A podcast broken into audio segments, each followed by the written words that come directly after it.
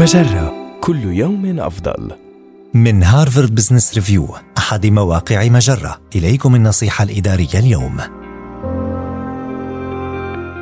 هل يتعين عليك النظر في العرض المضاد المقدم من مديرك؟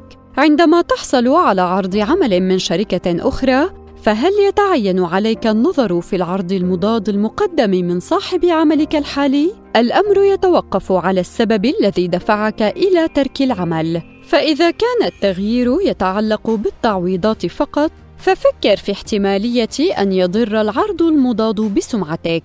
فقد يشكك المدراء التنفيذيون في ولائك أو يستاء زملاؤك من المعاملة الخاصة التي تتلقاها من ناحية أخرى إذا كان قرارك بترك العمل خطوة استراتيجية لمسارك المهني فقد لا يكون بقاؤك في الشركة الخيار الأفضل.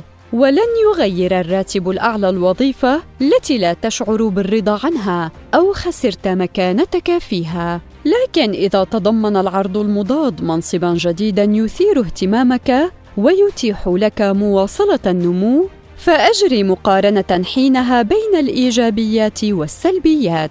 وفكر في مسارك المهني على المدى الطويل. فإذا قبلت العرض المضاد فما هو احتمال أن تتخذ قرارا بترك العمل مجددا في غضون عام أو عامين؟ إذا كنت لا تزال غير متأكد مما يجب فعله فناقش خياراتك مع موجه أو زميل تثق به.